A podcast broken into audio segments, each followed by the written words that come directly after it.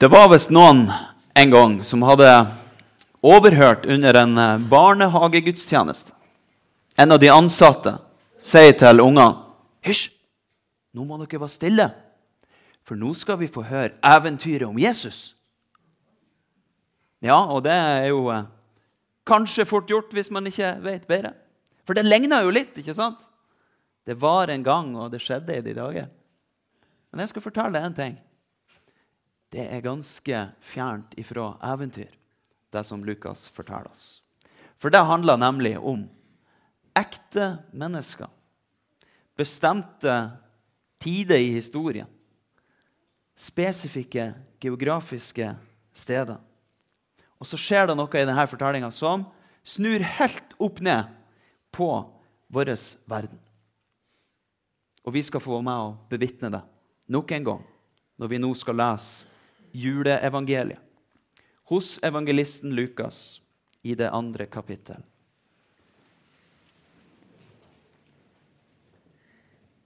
Det skjedde i de dager at det gikk ut befaling fra keiser Augustus om at hele verden skulle innskrives i manntall. Denne første innskrivningen ble holdt mens Kvirinius var landshøvding i Syria. Og alle dro av sted for å la seg innskrive, hver til sin by. Josef dro da fra byen Nasaret i Galilea opp til Judea, til Davids by Betlehem, siden han var av Davids hus og ett, for å la seg innskrive sammen med Maria, som var lovet bort til ham, og som ventet barn. Og mens de var der, kom tiden da hun skulle føde. Og hun fødte sin sønn, den førstefødte. Hun svøpte ham og la ham i en krybbe, for det var ikke husrom for dem. Det var noen gjetere der i nærheten, som var ute på marken og holdt nattevakt over flokken sin. Med ett sto en Herrens engel foran dem, og Herrens herlighet lyste om dem. De ble overveldet av redsel. Men engelen sa til dem, Frykt ikke. Se, jeg forkynner dere en stor glede, en glede for hele folket. I dag er det født dere en frelser i Davids by. Han er Messias, Herren. Og dette skal dere ha til tegn. Dere skal finne et barn som er svøpt og ligger i en krybbe. Med ett var engelen omgitt av en himmelsk hærskare, som lovpriste Gud og sang Ære være Gud i det høyeste, og fred på jorden, blant mennesker Gud har glede i. Da englene hadde forlatt dem og vendt tilbake til himmelen, sa gjeterne til hverandre.: La oss gå inn til Betlehem for å se dette som har hendt, og som Herren har kunngjort for oss. Og de skyndte seg av sted og fant Maria og Josef og det lille barnet som lå i krybben. Da de fikk se ham, fortalte de alt som var blitt sagt dem om dette barnet. Alle som hørte på, undret seg over det gjeterne fortalte. Men Maria tok vare på alt som ble sagt, og grunnet på det i sitt hjerte.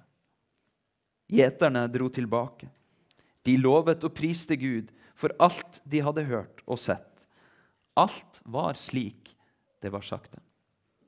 Slik lyder Herrens ord. Hellige Far, hellige oss i sannheten. Ditt ord er sannhet. Amen.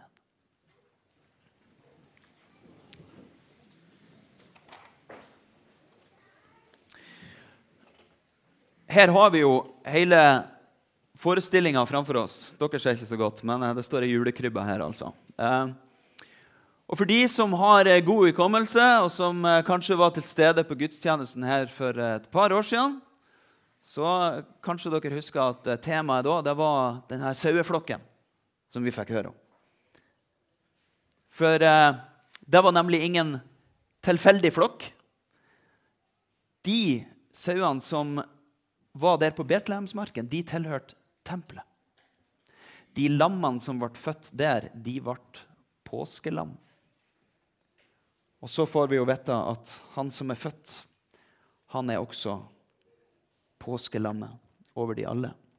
Men denne julaften her, så tenkte jeg vi skulle se litt mer på de som, eh, de som passa på de her sauene. De her gjeterne som var ute på marken og holdt nattevakt over flokken sin, som det heter. Gjetere og hyrder, sånne som de her, det er noe vi hører om gjennom hele Bibelen. Gud kaller seg sjøl en hyrde, og så setter han hyrder og gjetere over sin flokk. Jeg får faktisk lov til å være en sånn for denne menigheten her. Og det er jeg veldig glad for. Kong David han var også en gang en gjetergutt. Men likevel så var ikke dette noe sånn spesielt populært yrke. Det sto nok ikke høyt opp på ønskelista til de fleste. Fordi det var hardt arbeid. Det var isende kaldt på natta. Det var brennende varmt på dagen. Og det var farlig. De måtte beskytte flokken imot f.eks. ville dyr og røvere. Dere så denne figuren hadde en sånn stav. Det hadde de gjerne. For å kunne forsvare seg sjøl og flokken med. Men så er det altså de her, her som holder nattevakt over flokken sin, som får et spesielt besøk denne natta. De får besøk av en engel med et budskap om en frelser som er født. Og plutselig så er de omgitt av et helt englekor. Og Herrens herlighet lyser opp Betlehemsnatta.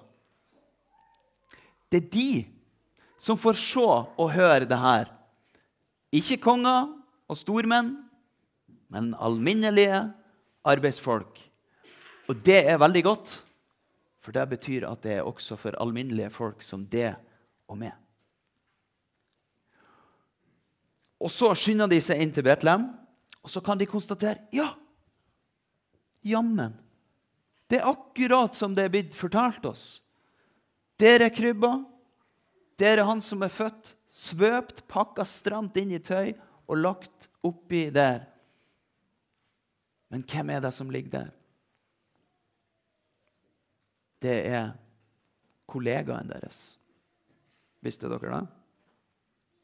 For han skulle mange år senere si om seg sjøl Jeg er den gode gjeteren. Han identifiserer seg med nettopp de. Det er han som har omsorg og kjærlighet for den flokken som føler han. Og så husker du jeg sa at det var en farlig jobb. ikke sant? De måtte forsvare seg sjøl og flokken. Det var jo det mest verdifulle de hadde. Men det vil jo komme til et punkt for de aller fleste etere hvor sauer faktisk var sauer. Ble det farlig nok, så gjelder det jo å berge sitt eget skinn og komme seg vekk derifra. Og der skiller den gode gjeteren seg ifra alle andre gjetere. For han er den som gir livet sitt for sauene sine. Han gir livet sitt for hver og en av oss som tilhører hans flokk. Hans kjepp og hans stav, vet du hvordan den ser ut? Den ser sånn ut.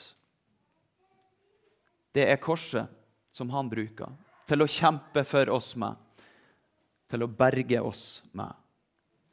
Og Derfor så har vi en gjeter som vi kan stole på i alle ting, og som vil lede oss.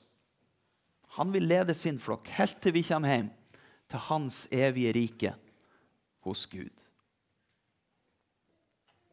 Ja, forresten, de der gjeterne de måtte jo tilbake igjen på jobb. Sånn er det jo ofte for de fleste av oss. ikke sant? Moroa tar slutt.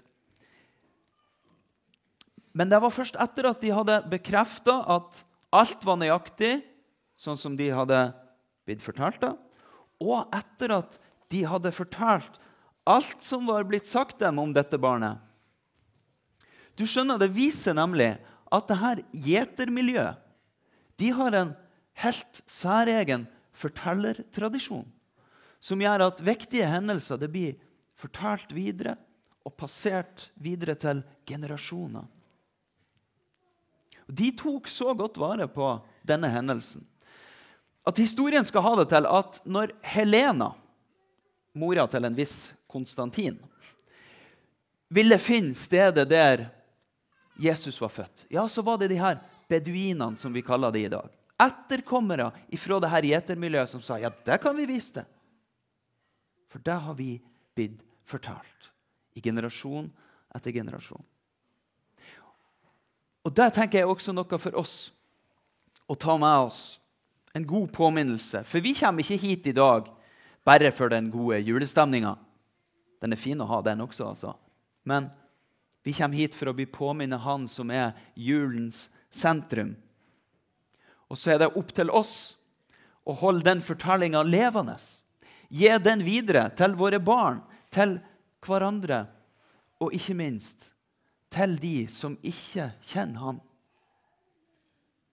Du kan faktisk få lov til å ta med deg en strime av det her lyset som lyste opp Betlehemsnatta.